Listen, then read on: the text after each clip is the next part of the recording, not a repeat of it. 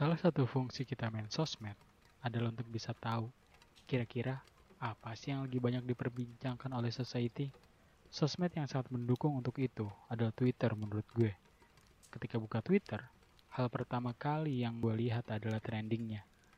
Mostly sih, K-pop selalu merajai trendingnya, disusul dengan isu-isu politik yang lagi berkembang.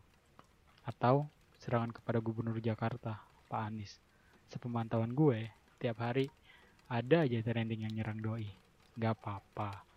Bazar biar ngebul dapurnya. But not the topics we are going to talk. Here is for you. Berbicara trending selain hal di atas, gak jarang. Banyak trending-trending yang aneh. VCS lah, Open BO lah, atau morning sex. Gue liat ini di hari Jumat. Bayangin, di hari Jumat.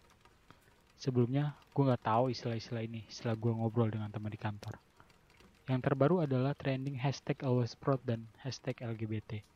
Ketika gue buka trending tersebut, banyak akun yang ngepost foto-foto influencer, artis, khususnya luar negeri yang support LGBT beserta pernak-pernik bendera warna-warninya. Hal itu adalah alasan gue membuat episode kali ini. Just popping up in my talk. Ketika gue ngeliat artis, orang-orang besar mendukung apa yang syariah larang, gue keingetan dengan sirah nabawiyah, proses dakwah Nabi Shallallahu Alaihi Wasallam, terlebih ketika di Mekah. Yang menjadi lawan dalam tanda kutip Nabi Shallallahu Alaihi Wasallam adalah orang-orang besar, pemilik kekuasaan, para orang-orang kaya, orang-orang berpengaruh, bahkan keluarga Nabi Shallallahu Alaihi Wasallam sendiri.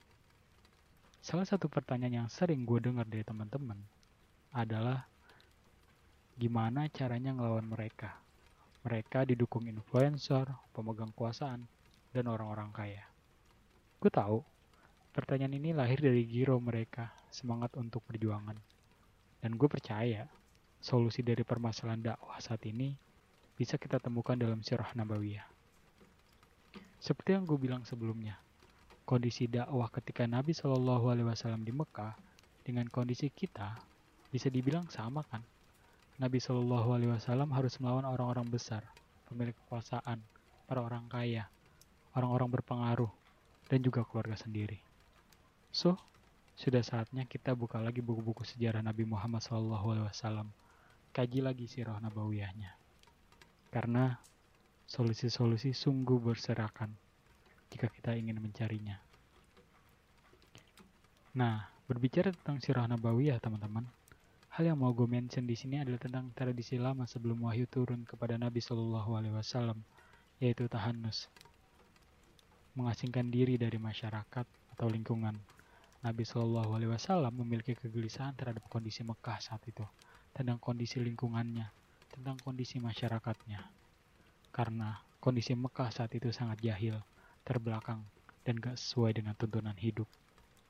Yusuf, atau yang kita kenal dengan Salahuddin al-Ayyubi.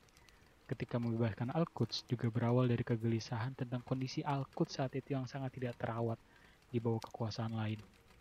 Begitu pula Muhammad Al-Fatih, kegelisahannya tentang Konstantinopel, tentang kota yang disebutkan dalam hadis Rasulullah Alaihi Wasallam akan dibuka lebih dulu sebelum kota Roma.